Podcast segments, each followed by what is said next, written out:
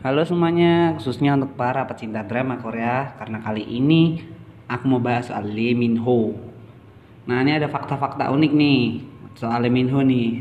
Ada yang pertama nggak suka dialog romantis.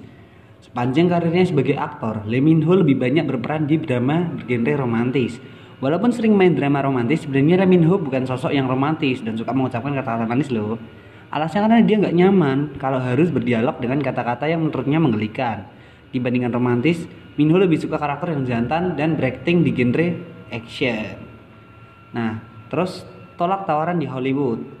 Sebagai aktor kelas A Korea yang telah dikenal sebesar global, tidak menutup kemungkinan dia bisa berkarir di Hollywood. Nyatanya, Minho pernah mendapat tawaran untuk bermain di film Hollywood bersama dengan Brad Pitt, tapi lawan main Kim Go Eun ini menolak tawaran tersebut karena saat itu ia merasa belum siap untuk berkarir di Hollywood. Nah, wow, ini walaupun keren tapi dia masih punya sisi insecure ya guys